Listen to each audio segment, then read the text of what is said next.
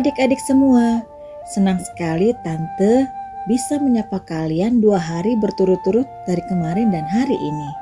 Semoga kalian selalu dalam penyertaan Tuhan, tetap jaga kesehatan dan hidup bahagia bersama keluarga di rumah. Selalu semangat dan rajin mendengarkan podcast Renungan Anak dan membaca Alkitab tentunya.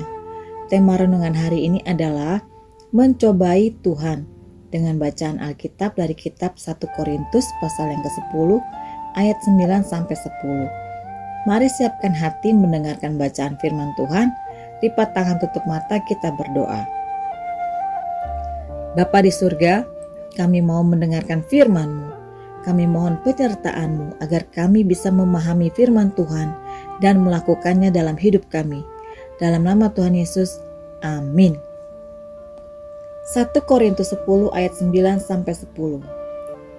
Dan janganlah kita mencobai Tuhan seperti yang dilakukan oleh beberapa orang dari mereka sehingga mereka mati di pagut ular dan janganlah bersungut-sungut seperti yang dilakukan oleh beberapa orang dari mereka sehingga mereka dibinasakan oleh malaikat maut. Demikian bacaan firman Tuhan hari ini. Adik-adik, Bagaimana sih kita mencobai Tuhan? Buktinya apa? Pertanyaan ini perlu kita renungkan.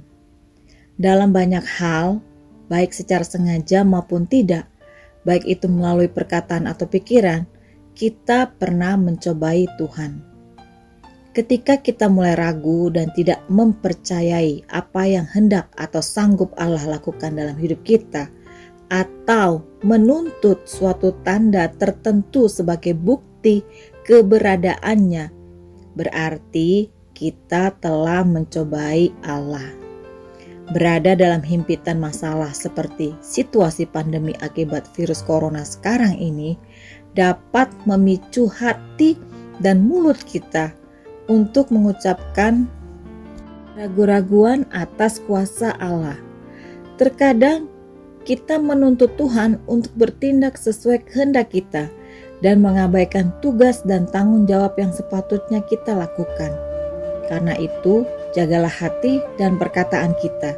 Dalam situasi terburuk sekalipun, mari kita belajar untuk makin memperkuat kepercayaan kita kepada Tuhan agar terhindar dari mencobai Allah. Belajarlah untuk bersyukur dalam segala keadaan. Di buku renungan ada rangkaian gambar komik yang menceritakan tentang seseorang yang sedang mencobai Tuhan. Tindakan apa yang dilakukan orang itu ya? Mari kita simak sama-sama. Dalam masa pandemi sekarang, banyak kebiasaan dan peraturan baru yang harus kita taati. Salah satunya adalah memakai masker saat keluar rumah atau rajin cuci tangan dengan hand sanitizer. Tapi ada juga beberapa orang yang tidak mau taat dengan banyak alasan. Pada gambar komik terlihat seorang yang saat keluar rumah tidak merasa butuh untuk memakai masker atau membawa hand sanitizer. Orang itu beranggapan Tuhan pasti melindunginya. Orang itu berteriak sambil berkata, "Oh Tuhan, aku percaya padamu. Lindungi aku dan selamatkan aku." Akhirnya, orang itu pun jatuh sakit. Saat sakit pun, dia masih menyalahkan Tuhan sambil berucap, "Aku mempercayaimu, Tuhan, tapi Engkau tidak melindungi aku dari penyakit." Akhirnya, Tuhan pun menjawab orang tersebut, "Anakku, aku sudah memberikan kepadamu hand sanitizer, masker, dan memberitahukanmu untuk menjaga jarak serta diam di rumah saja agar tetap aman. Tapi kamu tidak mau mendengarkan. Nah, adik-adik, dari cerita ini apa yang bisa kita pelajari? Dari cerita ini, kita mau belajar untuk taat kepada aturan-aturan yang berlaku di sekitar kita baik itu dari pemerintah atau dari mama dan papa. Karena kalau kita taat kepada aturan pemerintah atau aturan mama dan papa, itu sama dengan kita taat kepada Tuhan. Karena pemerintah, mama dan papa adalah wakil Tuhan untuk melindungi dan menjaga hidup kita. Karena peraturan juga dibuat untuk kebaikan bersama. Apa yang akan adik-adik lakukan? Tentunya adik-adik semua akan taat dan turut kepada semua peraturan yang berlaku. Sebagai anak yang taat kepada firman Tuhan, tentunya dalam bersikap juga taat kepada peraturan.